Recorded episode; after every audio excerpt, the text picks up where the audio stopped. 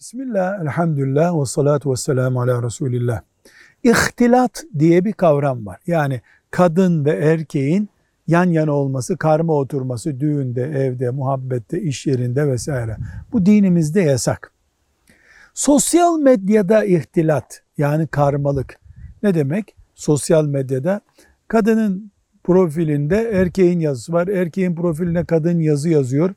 E, bu da o bedenlerin bir araya geldiği zamanki ihtilat gibi, karmalık gibi midir din hükmü açısından? Hayır diyoruz.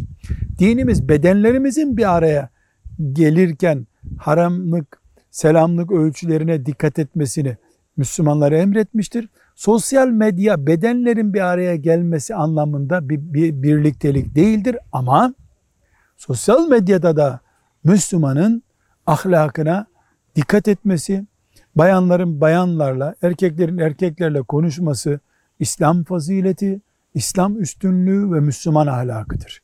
Velhamdülillahi Rabbil Alemin.